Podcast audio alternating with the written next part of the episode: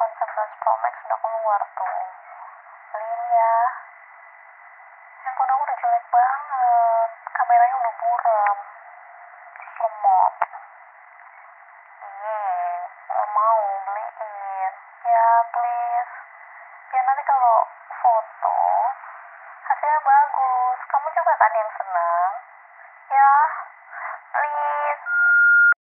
Pasti sering ya nemu momen begitu. Gak cuma datang dari orang lain, bahkan momen itu sering muncul dari dalam diri sendiri. Pengen beli inilah, pengen mengganti itulah. Tapi pernah gak kita bertanya, kenapa ya kita begitu ingin sekali membeli sesuatu atau mengganti sesuatu? Emangnya itu kebutuhannya? Atau jangan-jangan kita telah termakan bujuk rayu agar terus-menerus membeli sesuatu? Kira-kira ada nggak ya cara untuk keluar dari kebiasaan itu? Nah, di episode kedua ini kita akan membahas dua buku yang isinya akan menjawab pertanyaan-pertanyaan tersebut. Sekaligus nih ya, memberikan tawaran jalan keluarnya. So, welcome back to Barbuk and enjoy!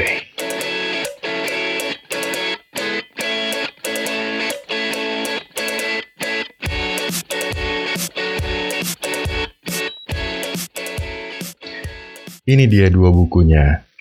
Yang pertama, judulnya Lagom, Not Too Little, Not Too Much. Ditulis oleh Lola Arkerstorm. Eh, salah. Lola Arkerstrom. Kalau Lola Arkerstorm jadi Lola Badai dong. Yang kedua, judulnya Goodbye Things. Gaya hidup minimalis ala Jepang yang ditulis oleh Fumio Sasaki. Kedua buku itu sebetulnya punya tema yang beda, jadi Lagom lebih banyak mengulas persoalan nilai dan kebiasaan yang hidup dan tumbuh di tengah budaya masyarakat di Swedia. Sementara Goodbye Things lebih banyak mengulas gaya hidup minimalis yang terus berkembang di masyarakat Jepang. Ya mirip-mirip kayak di Indonesia lah ya. Kita sedang berkembang budaya minimalisnya atau gaya hidup minimalisnya itu dengan minim uang, minim pengetahuan, minim teman minim pacar, minim pasangan. Jadi kita punya gaya sendiri soal hidup minimalis di Indonesia. Lebih tepatnya minimalis agak-agak ngenes gitu deh. Meskipun berbeda tema, kedua buku ini tuh ada benang merahnya loh. yakni gaya hidup minimalis. Kedua penulisnya percaya bahwa kesederhanaan melalui gaya hidup minimalis itu dapat menjadi solusi atas gaya hidup kita saat ini. Jadi, Sebenarnya apa sih gaya hidup minimalis itu? Kedua penulis buku itu memiliki beberapa kesamaan dalam memaknai hidup minimalis. Dan saya mencoba melihat atau mengidentifikasi beberapa kesamaan tersebut. Antara lain, pertama, gaya hidup minimalis itu adalah gaya hidup yang mendorong manusia menemukan hakikat kebutuhannya, bukan keinginannya. Yang kedua, Gaya hidup minimalis itu cenderung sederhana dan melepaskan diri dari keinginan-keinginan yang bersifat duniawi atau fana. Asik. Ketiga, gaya hidup minimalis itu be yourself.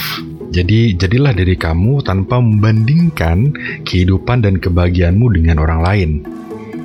Dan keempat, gaya hidup minimalis itu gaya hidup yang toleran dan egaliter. Karena kita didorong untuk tidak menonjol sendirian, jadi bagaimana kita itu bisa maju bersama-sama, juga berkembang bersama-sama. Hmm, mungkin kalau bisa si ideal empat hal itu, kayak hidup kita, kita udah jadi nabi mungkin ya. Ya minim-minimnya jadi Gandhi mungkin. Nah, sekarang giliran kita belajar bagaimana gaya hidup minimalis tersebut dapat dipraktekkan di kehidupan sehari-hari. Pertama kita akan belajar dari Swedia. Berdasarkan buku Lagom, secara tidak langsung penulisnya menyebutkan bahwa gaya hidup minimalis bisa berkembang karena ada budaya Lagom tersebut di tengah-tengah masyarakat Swedia. Apa itu Lagom? Jadi Lagom secara singkat dimaknai sebagai cara hidup yang tidak berlebih-lebihan atau pas. Sejarahnya, Lagom berasal dari kebiasaan bangsa Viking untuk berbagi minuman dalam satu gelas dengan anggota kelompoknya. Jadi misalkan saat ada perayaan atau mereka duduk-duduk di panas unggun, ada satu anggotanya yang akan menuangkan ke dalam gelas minuman, kemudian minuman itu akan diputar dan harus cukup untuk seluruh anggota yang sedang duduk di depan api unggun. Saat ada anggotanya yang berlebihan dan menyebabkan anggota lain tidak kebagian, maka konsekuensinya satu, mati. Dari kebiasaan kecil tersebut, hingga akhirnya turun-temurun dan itu membentuk cara hidup dan pandangan hidup dari masyarakat Swedia hingga hari ini. Keren ya? Kemudian, penulis juga menghadirkan beberapa contoh praktik dari masyarakat maupun perusahaan di Swedia. Contoh dari masyarakat begini, menu makan masyarakat di Swedia itu sederhana. Mereka punya hari khusus bahkan untuk makan banyak Kemudian masyarakat juga senang membeli barang-barang yang tahan lama dan multifungsi. Jadi nggak ada tuh di kamus mereka beli barang murah yang cepat rusak. Oh ya, juga mereka membeli barang dengan warna-warna yang tidak mencolok. Kemudian, masyarakat tidak akan nyaman jika mencolok sendirian. Kenapa? Karena akan ada semacam sanksi sosial dari masyarakat di sekitarnya. Syahrini dan Raffi Ahmad tentu tidak cocok dengan kultur masyarakat di Swedia. Nah, sekarang kita beralih ke praktik di perusahaan. Jadi, ada perusahaan makanan di Swedia itu yang bahkan dalam iklannya itu mempromosikan gaya hidup sehat dan agar masyarakat tidak mengkonsumsi gula secara berlebih. Gila ya. Kemudian ada juga satu perusahaan yang sudah populer mendunia menjual perabot-perabot rumah tangga yang itu selaras dengan gaya hidup minimalis dan tentu you know lah ya what I mean karena itu lagi hype banget dan jadi tujuan utama generasi muda urban untuk belanja. Nah, beberapa contoh itu ditulis oleh penulis buku Lagom untuk memastikan bahwa apa yang diwariskan oleh bangsa Viking itu masih terus ada dan hidup hingga hari ini. Dan itu menjadi semacam lingkungan bagi tumbuh suburnya gaya hidup minimalis di masyarakat Swedia. Sekarang kita beralih ke Jepang. Berdasarkan buku Goodbye Things, disebutkan bahwa salah satu akar budaya yang menyebabkan gaya hidup minimalis bisa tumbuh subur di Jepang adalah spiritualisme Zen. Nah, spiritualisme Zen ini mengajarkan kepada pengikutnya untuk melepaskan ketergantungannya pada hal-hal yang fana atau duniawi. Wede, berat ya. Kemudian juga spiritualisme Zen ini memastikan pengikut-pengikutnya agar mereka sadar bahwa ketika semakin banyak ketergantungan terhadap hal-hal duniawi seperti benda, ambisi, obsesi, dan sebagainya itu justru mengungkung atau menjara kita semua saya jadi ingat kalau di Islam itu kita mungkin banyak sekali kisah-kisah dari sahabat-sahabat Rasul yang mempromosikan bagaimana budaya-budaya hidup minimalis itu harus menjadi praktek seharian dari pengikut Muslim. Contohnya Ali bin Abi Thalib misalkan, dia tidak punya apa-apa bahkan, dan itu dicontohkan langsung oleh beliau. Jadi memang spiritualisme ini kuat ya sebetulnya sebagai satu pegangan bagi masyarakat agar mempraktekkan suatu nilai-nilai termasuk minimalis, uh, gaya hidup minimalis. Kemudian, saya juga teringat dulu ada iklan rokok yang tagline-nya bagus. Jadi tagline-nya begini, semua bisa didapatkan ketika semua dilepaskan. Bangsa Jepang juga ternyata sejak dulu sudah menerapkan gaya hidup minimalis. Fumio Sasaki menulis bahwa sebagian besar orang Jepang dulu hanya memiliki 2-3 kimono bersih. Dan mereka ketika hendak bepergian tidak akan membawa barang yang begitu banyak. Ada satu kutipan menarik dari Sasaki, yakni ia menyebut bahwa hidup ini singkat. Sungguh sayang jika hidup tersia-siakan oleh benda belaka. Nah loh, kesindir deh gue. Berbeda dengan Lagom, buku Goodbye Things ini lebih banyak mengeksplor bagaimana kita memulai gaya hidup minimalis dan apa saja tantangan serta hambatannya jika kita akan memulainya. Jadi tidak banyak eksplor mengenai bagaimana budaya atau bagaimana kebiasaan hidup di Jepang yang itu sesuai dengan uh, atau selaras dengan gaya hidup minimalis. Tetapi terdapat beberapa poin penting yang menurut saya ini menjadi kunci dari buku Goodbye Things. Yang pertama, Sasaki menegaskan bahwa gaya hidup minimalis adalah upaya untuk memangkas banyak hal yang tidak esensial sebetulnya bagi hidup kita. Dengan itu, maka kita bisa sepenuhnya menghargai hal-hal yang memang berharga bagi hidup kita. Tentu bukan benda ya, kalau menurut Sasaki sih yang paling berharga adalah pengalaman kita sendiri, apa yang ada dalam diri dan pikiran. dengan pengalaman itu, kita bisa membawa ke mana pun kita pergi, dan apa pun yang terjadi, pengalaman itu akan tetap tersimpan dalam otak kita dan menjadi milik kita sendiri. Kemudian yang menarik lagi adalah ternyata tinggal di rumah yang bersih dan sederhana itu membuat waktu bermalas-malasan justru berkurang. Dengan kata lain, kesederhanaan ini akan mendorong kita akan lebih produktif. Kita tidak akan disibukkan dengan hal-hal atau barang-barang yang bersifat fana itu. Kemudian ini juga penting, area tanpa barang atau area yang kosong gitu tanpa barang akan memberikan kita rasa merdeka dan menjaga pikiran kita tetap terbuka pada hal-hal yang lebih penting dalam hidup. Ini ber, berrelasi kuat dengan tadi ya spiritualisme Zen bahwa ketika kita menyingkirkan banyak hal yang fana itu justru kita akan mendapatkan lebih banyak lagi yang lebih penting bagi hidup kita. Terus gimana dong dengan dokumen-dokumen penting, buku-buku kesayangan, dan hal semacamnya? Sasaki bilang kalau berdasarkan pengalamannya, ia melakukan scan terhadap seluruh dokumen pentingnya dan ia simpan di perangkat elektroniknya atau di server. Begitu juga buku, ia lebih memilih buku-buku elektronik daripada buku-buku fisik. Kemudian, soal mempertahankan benda-benda lampau. Nah, ini dia nih. Jika kita mempertahankan benda-benda yang berasal dari masa lampau, berarti kita mempertahankan sosok diri kita di masa lalu. Ayo lo, siapa yang masih menyimpan masa lalu dalam benda-bendanya, pemberian mantan lah, apalah dan disimpan dan baik-baik.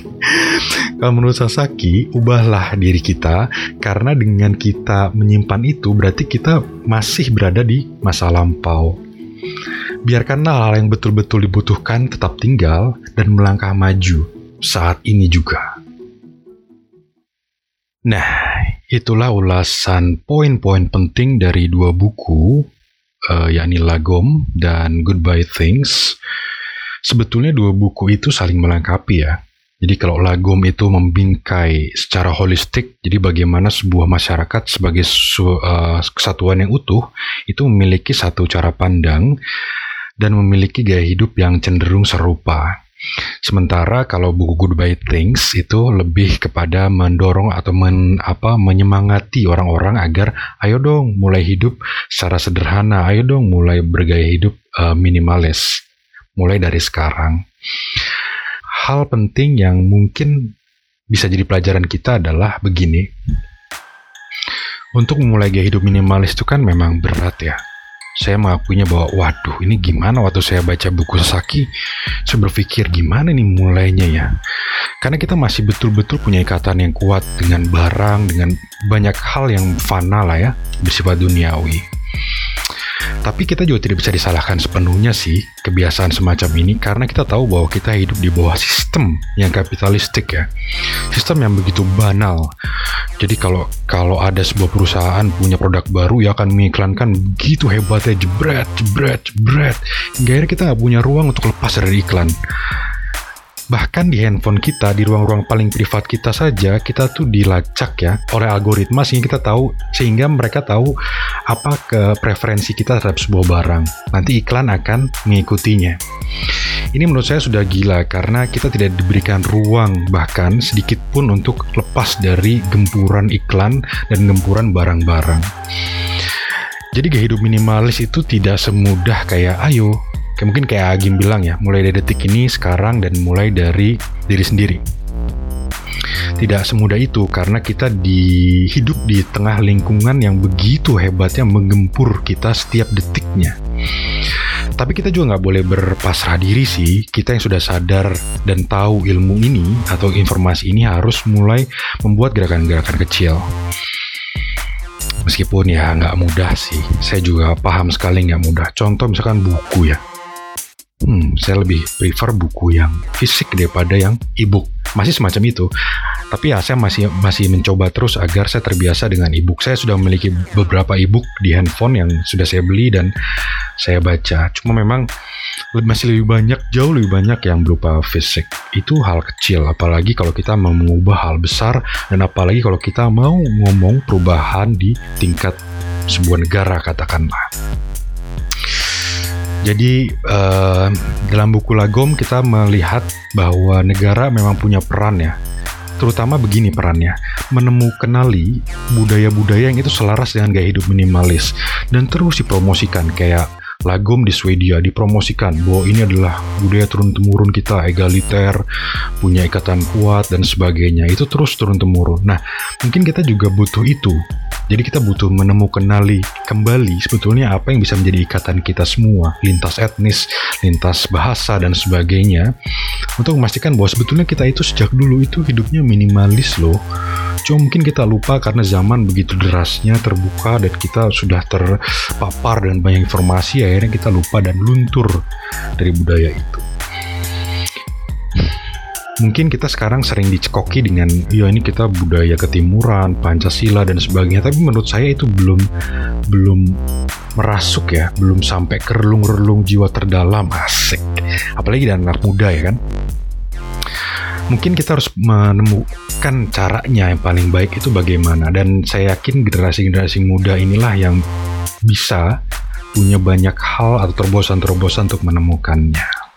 Oh ya, satu pembelajaran penting lain yang saya dapatkan dari dua buku ini juga adalah jangan pernah mengharapkan kebahagiaan datang dari benda. Karena ya itu tidak akan mendatangkan kebahagiaan Kebahagiaan itu didefinisikan dan dimaknai oleh diri sendiri, oleh setiap individu. Karena jika kebahagiaan datang dari benda, kalian akan lebih mudah untuk membandingkan diri sendiri dengan orang lain, kebahagiaan sendiri dengan kebahagiaan orang lain. Dua buku itu secara tegas bilang, sudahlah itu gaya lama, itu gaya hidup yang lama. Janganlah kalian banding-bandingkan dengan rumput tetangga atau bahkan dengan selimut tetangga. Waduh, bahaya itu. Demikian Barbuk episode kedua. Saya ingin menginformasikan bahwa Barbuk akan hadir setiap hari Sabtu. Namun jika saya agak sedikit, ya mungkin banyak kerjaan gitu, bisa dua minggu sekali. Tapi saya akan maksimalkan agar rutin setiap minggu, whatever it takes lah ya. Saya juga mengundang kalian untuk memberikan masukan atau request mengulas buku tertentu melalui akun Instagram pribadi saya di @bungzakaria. Jadi Bung Zakaria pakai Z. Bahkan jika kalian bersedia, mungkin kita bisa ngobrol dan kolaborasi bareng dalam episode selanjutnya. Tak lupa bisa bantu sebarluaskan podcast ini ya, kalau kalian menilai bahwa podcast ini bermanfaat. Oh ya, terima kasih juga untuk mengisi suara di awal, yakni Neng Ida, sudah berkenan untuk mengirimkan suaranya malam hari sebagai pembuka podcast ini. Gimana, bagus gak suaranya? Terakhir, selamat Hari Buku Sedunia yang jatuh tanggal 23 April lalu. Semoga buku terus memandu hidupmu. Terus ikutin ya episode-episode berikutnya dari Barbuk. Tentu bersama saya Yahya Zakaria. Bye.